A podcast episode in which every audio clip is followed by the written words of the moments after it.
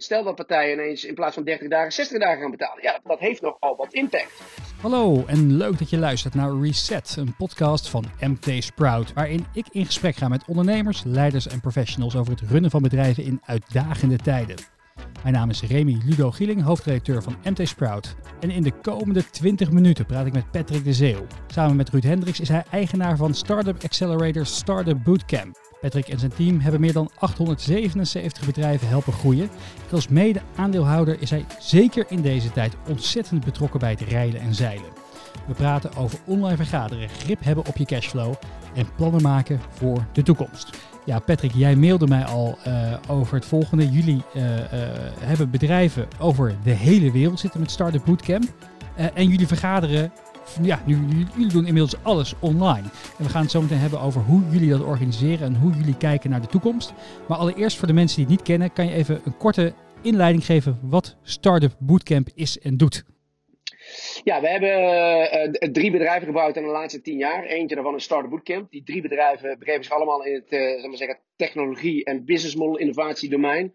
Startup Bootcamp selecteert ongeveer 150 tot 200 startups per jaar die uh, aan onze programma's deelnemen in, in, in 17 offices all over the world. Hè. Dus dat is van uh, New York tot Melbourne en van Amsterdam uh, tot Milaan. dat doen we iedere keer in, in, in, groepjes van 10 startups die door onze programma's heen gaan. En die programma's duren drie maanden. we hebben inmiddels een portfolio opgebouwd van bijna duizend startups waar wij een klein belang in hebben. dus in ruil voor die begeleiding, ik zeg altijd totdat ze bij ons binnenkomen naar de exit of het faillissement. Een aantal later, jaren later uh, begeleiden wij ze. De eerste, het eerste jaar vrij intensief, daarna worden we, zijn we iets minder betrokken. Uh, we hebben inmiddels in, in kleine duizend eh, bedrijven een klein belang. En ja, ik ben met veel van die bedrijven op dit moment in contact om te kijken hoe het met ze gaat. En waar wij kunnen helpen in deze dynamische tijd. Dus dat doet Startup Bootcamp. We hebben een tweede bedrijf. Eigenlijk doet dat hetzelfde, maar dan voor hele grote bedrijven. Dus die helpt hele grote corporates, bedrijven die minimaal 10 miljard omzet doen of meer met hoe innoveer ik nou, maar met name op, op basis van start-up methodologieën. En dan hebben we een derde bedrijf, dat heet het Talent Institute, wat jong digitaal talent traint, wat bij snel groeiende start-ups, scale-ups uh, en bij corporates gaat werken in het digitale domein. Hoe heeft de huidige crisis jullie eigen business geraakt? Ja, dat is, dat is een goede vraag. Um, kijk, je gaat natuurlijk meteen nadenken over wat, wat, wat doet dit met uh, de organisatie. Dus dat betekent de mensen die er werken. Hè, zo met name in het hoofd. Wat doet dat ermee? Dus daar hebben we goed naar gekeken. Dus goed overleg en, en, en mensen uh, gevoel geven dat uh, ja, wij er alles aan gaan doen om de business zo goed mogelijk overeind te houden en continuïteit te creëren. Wat, wat doet het bij die mensen in hun hoofd? Ben je erachter gekomen? Ja, dat varieert natuurlijk een beetje per persoon. Maar sommige mensen die maken zich totaal niet ongerust Hè, naarmate ze jonger zijn, laat ik zo zeggen, maken ze zich steeds minder ongerust. En, en denken ze, ja, misschien, misschien krijg ik het virus, maar ik zal daar verder niet zoveel last van hebben. En naarmate ze wat ouder zijn, denken ze ook aan de, aan de health kant zelf na. Uh, tweede punt is natuurlijk, ja, wat betekent dit voor mijn baan? Uh, hè, wat betekent remote werken voor mijn baan? Wij deden al best wel heel veel digitaal. Dus in alle eerlijkheid, um, uh, ja, je zit natuurlijk niet meer bij elkaar. Maar je spreekt elkaar wel de hele dag door. En wij doen onze stand-ups gewoon s ochtends om half negen of om negen uur. Zoals we dat fysiek deden, doen we gewoon nu ook digitaal. Uh, ja, en, en ik, ik moet zeggen dat ik, dat ik merk dat mensen er op een of andere manier toch ook wel een vorm van energie van krijgen. Omdat het erop lijkt dat deze manier van werken ook allerlei inzichten oplevert op het gebied van effectiviteit en efficiëntie. Die je normaal gesproken niet hebt. Uh, ik merk dat zelf ook. Hè. Je zit uh, eigenlijk back-to-back -back zit ik in in, in calls uh, over, de, over de hele wereld. En je, bent, je gaat heel effectief met je tijd om. En je hebt bij wijze van spreken nauwelijks tijd om een glaasje water te halen. Om, of om even naar het toilet te lopen. Want dan ga je de volgende call alweer om. Uh, in. Dus uh, ja, ik moet zeggen, ik, ik krijg er zelf behoorlijk veel energie van. Ik, ik word er heel blij van om te zien hoe dat de mensen binnen onze bedrijven, de schouders, uh, die hadden ze er al onder gezet en die gaan er nu nog harder onder en beter onder. Um, ik merk aan de start-up kant dat er eigenlijk meer behoefte is dan ooit. die hebben natuurlijk met allerlei vragen te maken. Zitten misschien midden in de financieringsronde. Of zouden die starten? Of stonden op een punt een termsheet te tekenen. Hoe ga je met klanten om in deze fase? Dus daar is veel behoefte aan de start-up kant. Dus uh, ja, wij, draaien wat dat betreft overuren. En ik, ik heb dat liever eerlijk gezegd dan dat je thuis zit en niet zo heel veel te doen hebt. Uh, dat lijkt bij ons in ieder geval intern op dit moment absoluut niet het geval te zijn. Wat, merk je al een soort van bij, misschien een aantal bedrijven een, een, een, lichte paniek ontstaan. Want ik kan me zeker bij startups natuurlijk, die altijd al op uh, cashflow-matig een beetje op de rand van uh, op, op, de rand balanceren, kunnen we wel stellen. Ja, nou, nou paniek eh, absoluut niet. Ehm, kijk, we hebben hier natuurlijk toch te maken met ondernemers. En, en er zijn een aantal, kijk, de gemiddelde leeftijd van de bedrijven waar wij aandeelhouder in zijn en, en die onze programma's door zijn gegaan, van de founders ligt zo tussen de 35 en begin 40. En heel veel van die founders die hebben al een keer een crisis uh, of twee meegemaakt. Het zij een wereldwijde crisis, of het nou een kredietcrisis is, of ze hebben gewoon een crisis, een crisis binnen hun bedrijf of een ander bedrijf waar ze bij betrokken waren meegemaakt. Dus ik, ik hang net uh, Dennis Tan op, uh, een van de founders van, van Dashmode. ja, die, die deden veel business in Azië, met name in China. En die zeiden, ja, bij ons is het we hebben natuurlijk wel even de pijn gevoeld in China, hè, twee, drie maanden geleden. Maar daar begint de boel eigenlijk alweer een beetje uh, terug back to business te komen. Um, dus dat is, dat is NS1. Maar ik heb denk ik de laatste uh, twee weken 50 founders gesproken. Um, ik heb bij niemand paniek gemerkt. Echt, en dat vind ik heel prettig natuurlijk, want daar, dat paniek levert niet zo heel veel op. Ik merk wel koelte. Ik merk wel um, een, een vorm van uh, ook nogmaals energie en opportunity. Dat mensen denken van luister, ja, maar het levert misschien toch ook wel weer kansen op. En ja, we zitten natuurlijk een beetje aan het begin van het proces. We zitten net allemaal anderhalf, twee weken thuis. De vraag is natuurlijk hoe het over acht weken is. Hopelijk gaat dit niet uh, uh, drie, vier maanden duren. Dan zal de situatie misschien iets veranderen. Maar ik, ik heb ook investeerders gehad die mij hebben benaderd en zeiden: Patrick, uh, als jullie start-ups hebben die in problemen zitten, ik heb nog wel wat middelen beschikbaar. En misschien is het wel een goed moment nu om in te stappen. Dus nee, geen blinde paniek. Absoluut niet. Ik merk dat alle start-ups waar wij contact mee hebben en scale-ups ook in scenario's aan het denken zijn. Dus als er trigger 1 is, dan is dit scenario 2. En als dit. Dat hebben we zo geadviseerd. Ga nu alvast nadenken over een, zeg maar zeggen, een medium case scenario, worst case en een, en een echt een dramatisch scenario zodat je daar niet over hoeft na te denken op het moment dat je uh, de komende weken in een van die scenario's terechtkomt. Um, het ligt er natuurlijk ook een beetje aan wanneer je je laatste fund. Ik hang net Dennis op. Ja, die heeft net in december een serieuze ronde van ettelijke miljoenen geclosed. Ja, die heeft wat meer ademruimte dan uh, sommige andere startups die midden in een uh, negotiation proces zaten. Wij zaten zelf in een, in een proces waarbij er een van de startups geëxit zou worden. Nou, dat is nu bevroren. Uh, ja, dus het, het, varieert een beetje per founder. Maar ik moet zeggen, de spirit vind ik absoluut niet negatief. Eerder, eerder tegenovergestelde. Um, men zegt ook, hè, never waste a good crisis. Misschien ga je wel even heel kritisch kijken naar je business. Hoe je ervoor staat. Welke mensen in het team echt veel waarde toevoegen. En anderen misschien wat minder. Um, dus ja, nee, ik ben, uh, ik ben eigenlijk niet heel negatief. Uh, ik ben eigenlijk best wel uh, optimistisch. Dat ben ik altijd wel. en dan moet je ook blijven in deze situatie. Maar ik hoor geen verkeerde geluiden vanuit de markt. Hoe werkt dat samen met jouw co-founder Ruud Hendricks? Jullie werkten altijd intensief samen, maar jullie zijn ook veel op reis. Dus jullie deden waarschijnlijk al veel op afstand. wat voor afspraken hebben jullie onderling om het contact warm te houden?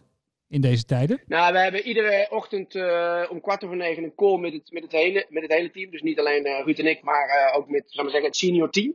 Um, waarbij er een gedeelte van het team werkt aan de maatregelen die de overheid heeft getroffen. En de, zal zeggen, de regelingen. Daar zijn we natuurlijk, zoals alle ondernemers en ondernemingen, uitermate blij mee. En, en, en vinden we uitermate constructief. Dat geeft rust. Ik denk dat dat heel belangrijk is in deze fase. Is dat de ondernemers uh, uh, rust, uh, rust in het hoofd hebben om na te denken wat te doen. En hun runway te, te verlengen. Kijk, bij ons, wij zitten er ook best wel met die drie bedrijven op, op een serieuze burn rate. En dan moet je echt denken, ja, dat gaat toch richting 7, 8 ton per maand wat er uitgaat. En dat betekent dat er dat ja, eigenlijk het dubbele binnen moet komen. Hè, want we maken op, op onze inkomsten maken we niet netto rendement, daar, daar maken we kosten voor. Dus ja, op het moment dat je merkt dat daar de inkomsten wat teruglopen, ja, dan ga je al heel snel nadenken van, ja, wat ga ik dan doen met mijn kosten? Want dat is, hè, mijn inkomsten kan ik gedeeltelijk sturen, maar, maar beperkt. Die kosten kan je uh, meer sturen. Dus je gaat, dus we hebben scenario's uitgewerkt, we hebben ook die inmiddels verwerkte aanvragen zijn gedaan. Dat geeft rust in het hoofd. Uh, ik denk dat dat belangrijk is om uit te stralen naar, naar het team en de mensen waar je mee samenwerkt. En ook naar je familie. Hè, dat je niet in blinde paniek uh, schiet, want daar bereikt helemaal niemand iets mee. En, en juist nu de tijd hebben om goed na te denken welke stappen we nemen op het moment dat het echt noodzakelijk is, dat is cruciaal. En uh, ik zeg altijd, startups die gaan uiteindelijk niet ten onder, of bedrijven gaan niet ten onder omdat het geld op is, maar meestal omdat dat ze uit de tijd lopen. en als jij, als jij nog maar een maand de tijd hebt, dan heb je minder tijd om nieuwe opportunities te spotten, businessmodellen te creëren, als dat je zes maanden de, tijd en de rust hebt. Ik heb zelf één keer eerder zo'n situatie meegemaakt, waarbij we nog voor zes maanden geld op de, de bank hadden en de crisis hard, hard erin uh, insloeg. En toen, uh, ja, toen hebben we van de 250 man van 200 mensen afscheid moeten nemen. Toen was er nog niet zo'n regeling zoals dat nu is met de overheid. Maar uiteindelijk heeft het bedrijf het wel overleefd. En hebben we een jaar later uh, 75 van die 200 mensen weer terug aangenomen. Uh, maar we hadden zes maanden de tijd om, om ons voor te bereiden op van hoe gaan we hiermee om. En hoe kunnen we het erin netjes regelen met die mensen. Die hebben ook allemaal netjes een, een, een behoorlijk aantal maanden vergoeding meegegeven. We hebben het netjes geregeld. Ik heb toen ook individueel met al die 200 die we hebben laten gaan in gesprek gevoerd. En, en tegen een aantal mensen gezegd: ja, je bent de eerste die we weer aannemen op het moment dat we de boer weer op de rit hebben. Ja, want hoe kan je nog wat meer vertellen over die scenario's die je dan nu maakt voor de toekomst? Wat, wat, wat, wat, wat, wat, eh, een scenario klinkt nog voor mij als een abstract begrip. Hoe, hoe, hoe, hoe ziet dat eruit? Hoe schrijf je dat op? Een, een scenario kan zijn: hè, uh, uh, de klanten betalen even niet meer. Of gaan hun betaaltermijn van 30 naar 60 of 90 dagen verlengen. Wat natuurlijk Um, ja, ik vind het onbegrijpelijk en eigenlijk ook onacceptabel. Ja, dat, weet je, dat, dan krijg je een soort domino-effect. Maar ik vind wel dat je dat scenario moet je wel in kaart hebben wat dat betekent. Stel dat partijen ineens in plaats van 30 dagen 60 dagen gaan betalen. Ja, dat heeft nogal wat impact. Uh, het kan betekenen, stel dat de, de helft van onze medewerkers niet thuis al zit, maar ook nog eens ziek wordt en twee weken niet kan werken. Hoe gaan we daar dan mee om? Uh, dus dit, dat, dat, bedoel ik met scenario's. Dus je, je denkt in, in triggers. Hè, als dit gebeurt, dan wat zijn daar de consequenties van? En, en die scenario's die hebben wij inmiddels uitgewerkt op papier. Zodat op het moment dat dat gebeurt, dat wij al weten waar we aan toe zijn. En welke acties wij kunnen, zeker willen, uh, ondernemen. En dan heb je altijd weer met moraliteit te maken. Hè, van hoe ga je daar moreel mee om? Als, als ondernemer en als, als bedrijf. En ik vind dat je daar ook bij stil moet staan. Dus dat zijn, dat zijn soms best lastige afwegingen die je moet maken. Um, en, en, en, we hebben gekeken van luister, in scenario A, hoeveel runway hebben we dan? In scenario B, hoeveel runway hebben we? En in scenario C, hoeveel runway hebben we? Dus we hebben drie scenario's die we iedere dag met elkaar doornemen. Uh, en dat kan echt een 10 minuten kwartiertje. Iedere ochtend, gewoon kwart over negen, half tien. Ja, en heel vaak zijn we na vijf minuten klaar. En soms hebben we een kwartiertje lang nodig als er echt iets is veranderd. Zowel positief want we hebben ook klanten die gewoon door, uh, met name bij, bij de corporate, we hebben, daar merken we gewoon dat er, uh, wij kunnen gewoon digitaal door, zoals we het eigenlijk altijd al deden. Wij leverden al producten vanuit Nederland in Singapore, in Australië, in. En die, ja, die hebben, zeggen gewoon, veel ja, wij moeten onze medewerkers ook gewoon actief houden. Dus wij willen eigenlijk gewoon door. Uh, en dat, dat geeft natuurlijk heel veel vertrouwen, want dat betekent dat ze blij zijn met ons. Maar dat helpt ons natuurlijk ook met onze cashflow. Nu luisteren er waarschijnlijk ook een aantal ondernemers die wel nog denken van ja, ik vind het heel moeilijk te voorspellen wat er gaat gebeuren, hè, wat, wat, uh, wat, wat, wat, dit gaat brengen en uh, hoe, dit, hoe dit effect zal hebben op lange termijn op mijn bedrijf. Wat raad je ondernemers aan om als eerste stap nu te doen? Hè, we zijn nu twee weken uh, we hebben meer duidelijkheid van de overheid. Uh, we, we, weten even dat we de komende tijd nog even op afstand zullen blijven werken. Dus uh, de, de, de, toekomst begint zich langzaam een beetje te kristalliseren. misschien is dit ook wel het moment dat veel ondernemers toch weer gaan nadenken over, nou, dit, dit, zijn dan die scenario's. Maar wat raad jij ondernemers die jou nu opbellen aan om als eerste stap te nemen? Ja, ik, toch als eerste kijken naar je cashflow. Hè, eh, cash is altijd king, zeggen we. Maar zeker in dit soort situaties waarmee je te maken hebt met onzekerheid, is heel goed te weten wat je burn rate is. Hè, dus hoeveel dat je per maand gaat eruit en hoeveel komt er naar verwachting in. Uh, dat met je partners te bespreken en op basis van daarvan dan hè, twee, drie scenario's te maken. In het meest zwarte of het meest optimistische. Wat betekent dat? Um, te kijken hè, naar die, die regelingen die de overheid heeft aangeboden. En ik neem aan, hè, ik, ik, ga ik ga ervan uit, en, maar misschien ben ik daar een beetje naïef, dat alle ondernemers daar inmiddels van op de hoogte zijn en daar actie op hebben ondernomen. En, en ja, toch heel regelmatig contact met elkaar hebben over de besluiten die je met elkaar neemt, hoe moeilijk dat die ook zijn. Um, dus dat is stap 1. Dus weten waar je aan toe bent en wat je runway is. En parallel daaraan zou ik zeggen, toch ook de koppen bij elkaar steken om te kijken wat kan je hoe kan je deze situatie toch op een of andere manier leveragen? Niet negatief bedoeld als een leverager misbruiken, maar toch gebruiken. Door efficiënter met elkaar samen te werken, zaken digitaal te doen. Ik, zat vorige week naar wat uitzendingen te kijken waar ook een aantal overheidsfunctionarissen in uh, actief waren die nog nooit van Zoom of van Slack of van Miro of noem maar op hebben gehoord. Wat natuurlijk tools zijn die wij in onze wereld, in de start-up wereld, in de technologiewereld al jaren gebruiken. Ja, die leveren onwijs veel voordelen op in deze periode. En, en, en misschien maak je wel een, een vertaalslag, een versnellingsslag, naar van hoe kunnen wij gewoon die tools zo gebruiken in deze periode, uh, qua communicatie, maar ook qua business, om toch onze klanten te kunnen uh, bedienen op zo'n manier uh, dat, dat we waarde toevoegen. Kijk, en dat is met een restaurant natuurlijk heel lastig. Want daar heb je gewoon. Maar ook daar zie je dat restaurants nu ineens thuis bezorgen. En dus ja, het, ik zeg altijd, weet je, ondernemers moeten relentlessly resourceful zijn, zoals ze dat op zijn Amerikaans zeggen. Ik denk dat je in deze fase leer je, leer je creatiever te zijn dan dat je waarschijnlijk ooit bent geweest. En, en niet iedereen heeft die creativiteit of die rust. Maar ik zou toch zeggen, pak die rust en probeer met name na te denken toch ook over van wat voor mogelijkheden hebben we, los van de besparingen die we wellicht door moeten voeren.